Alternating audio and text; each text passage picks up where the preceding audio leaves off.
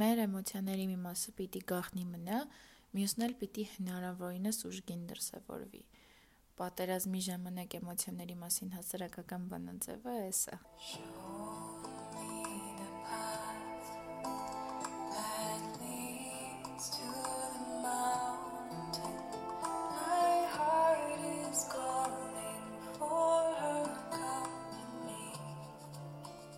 Պատերազմն ամբողջովին փոխում է մարդու էմոցիոնալ ֆոնը,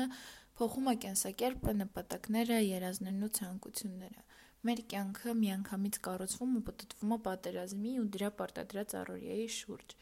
Լիքը բան արժեզրկվում է ու մենք սկսում ենք ուղակի խաղաղ ապրելու անկյուն փնտրել, առանց վախի, տագնապի, առանց տխրության ու կորստի։ Մեզ ամենաշատը տարածքա պետք լինում, որտեղ ոչ մեկ, ոչ մի բան ու ոչ մեկին չի կորցրել, ոչ մեկ չի վախենում մեկի համար, տարածք է պետք, որտեղ կարողանանք ապրել սովորականի պես։ Ու այսպիսի տարածք գտնելը հաճախ շատ դժվար է մի քանի պատճառով։ Նախ, որովհետև ինքներս հաճախ թույլ չենք տալիս մեզ կամ վատ ենք զգում բավարարելու սեփական պահանջմունքները, երբեմն մեղքի ու անարդարության զգացում ունենալով հիշում եմ, որ ընկերներիցս մեկին պատերազմի սկսելուց մոտ 2 շաբաթ հետո տեսա ու միասին խոսում էինք պատերազմի ազդեցությունների մասին Ինքն ասաց, որ պատերազմի առաջին օրերին սեփական մինիմալ կարիքները հոգալու համար անհրաժեշտ իրերը շատ դժվարությամբ էր առնում կամ հաց ուտում ու մեղքի զգացում էր ունենում այս ամենն անելուց, որովհետև մտքին անընդհատ պատերազմից տուժած մարդիկ էին, ովքեր մնալու տեղի կամ ուտելիքի խնդիր ունեին ու հաճախ էլ կյանք չունենալու վտանգի տակ էին։ Նմանատիպ բաներ շատ էի լսում ընկերներիցս, մանավանդ պատերազմի սկզբնական շրջանում, մարդիկ կային, որ օրվա մեծ մասը կամավորություն էին անում ու ուժասպառ էին լինում օրվա վերջում, ու ոչ այն պատճառով, որ այլ ընտրանք չունեին, այլ որովհետև իրենց գիտակցված կամ չգիտակցված ընտրություններ շատ հոգնելու աստիճան կամավորություն անելը։ Ես իրականում հարցնում եի այս մարդկանց, թե ինչի են իրենք կամավորությունն այս չափաբաժնով անում, որովհետև մեծ հաշվով բոլոր տեղերում շատ մարդիկ կային ու գործը հնարավոր էր բաժանել իրար մեջ ու հնարավոր էր նաև ամեն օր, ասենք, մի տեղ լինել, երեք տեղում լինելու փոխարեն ու սրանից արդյունքը չէր տուժի ու մարդիկ մի երկու հիմնական բան էին նշում, թե ինչի են այսպես անում։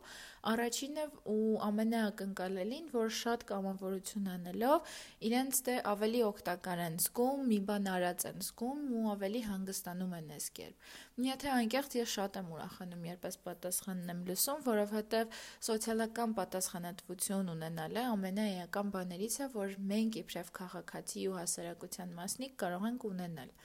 Երկրորդ բանը, որ մարդիկ նշում են, այնա որ սպառվածություն ու ֆիզիկական հոգնածություն զգալով քչացնում են անմեղքի զգացումը, որ այս օրերին ունենում են զինվորների կամ արցախցիների նկատմամբ։ Այս իհարկե ավելի քիչ մարդիկ էին ասում ու իմ կարծիքով մի քիչ խնդրային բաներ կան այստեղ, բայց դե ես չեմ խորանում, որովհետև ես հոգեբան չեմ։ Հա ու դե նաև կարող է լինել այնպես, որ մենք ասենք չկարողանանք դուրս գալ այդ համընդհանուր տրամադրության միջից։ Օրինակ չկարողանանք լսել մեր առօրյա երգերը կամ սրճարաններ գնալ, հանդիպել ընկերներին, ժամանակ անցկացնել,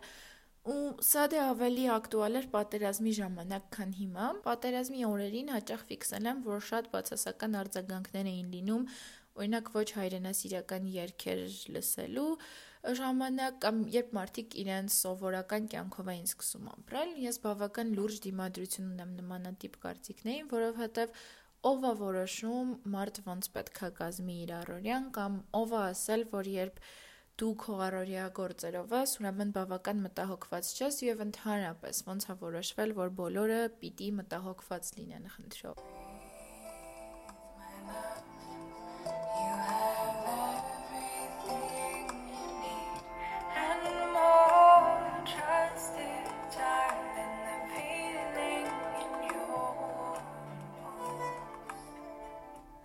Սովորական կյանքը շարունակելու անհնարինությանը մենք դեռ տարվա սկզբից էինք բախվել COVID-ի արդյունքում, ու հետո էլ դե պատերազմը սկսվեց ու ամեն բան առանց մեր որոշելու ու ցանկության փոխվեց։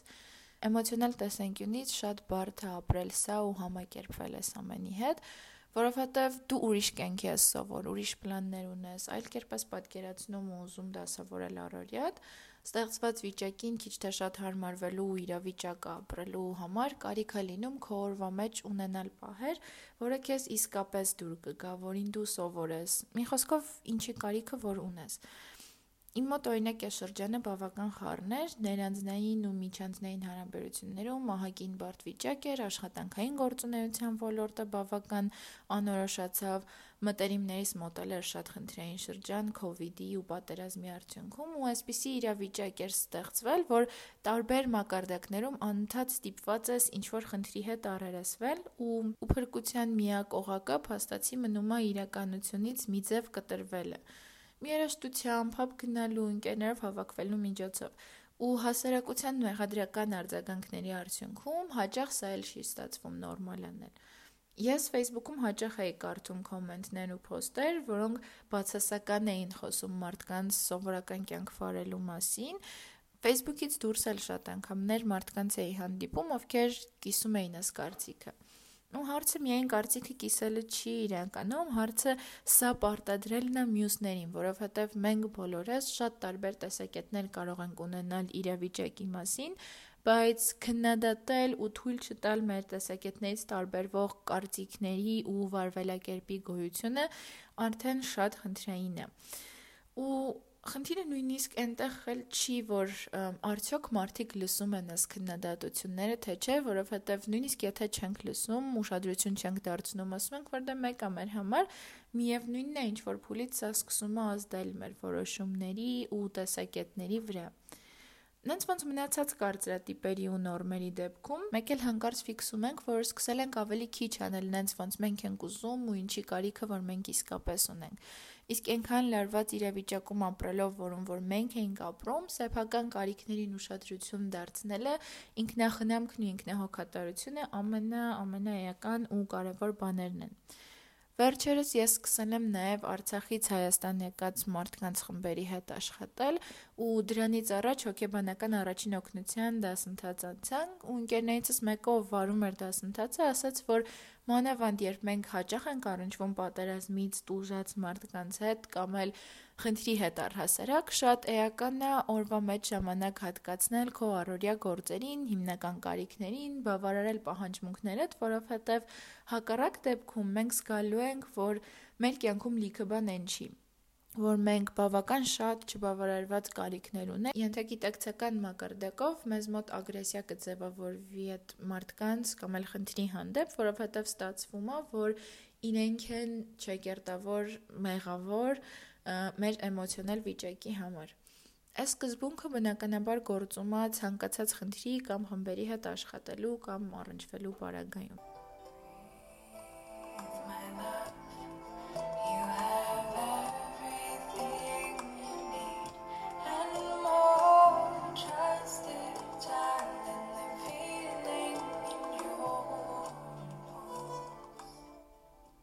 ուզում եմ խոսել նրանից, որ վերջերս մի տեսակ ակնկալիք կար եւ դեռ կա, որ բոլորը պիտի մտահոգված լինեն խնդրով ու մտահոգված լինելու ինչ որ մինիմում շեմել ոնց որ լիներ։ Մեր հասարակության համար այս հարցը միշտ ակտուալ է, անկախ նրանից ինչ խնդրից ենք խոսում։ Երբ ինչ-որ խնդիր կա պետական կամ հասարակական մակարդակում, չգիտես ինչի ակնկալվում է, որ բոլորին սա պետք է մտահոգի,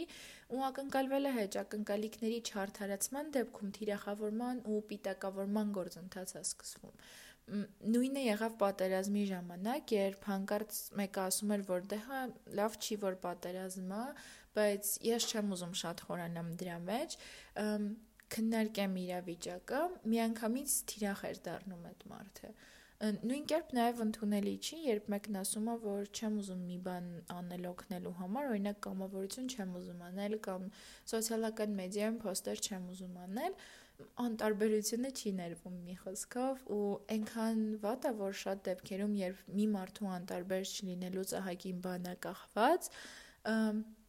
այդ այնքան էլ չի կարևորվում բայց նման իրավիճակում միանգամից թիրախավորում է սկսվում։ Ընդ որում ամենաեականն է նա, թե ոնց ես դու խոսում սրա մասին, որտեվ մեծ հաշվով կարող ես շատ բան չանել, բայց կարևորը որ շատ չխոսես սրա մասին, շատ չասես, որ դե չեմ ուզում մի բան արած լինեմ, օգնած լինեմ եւ այլն, ու ամեն ինչ լավ կլինի։ Պատերազմական ու հետպատերազմական շրջանը շատ խնդրային ու դժվար փուլ է բոլորի համար, տարբեր մակարդակներում, բայց կարևորը որ չմոռանանք մեր մասին ու հիշենք, որ պիտի հոգատար լինենք մեր հանդեպ։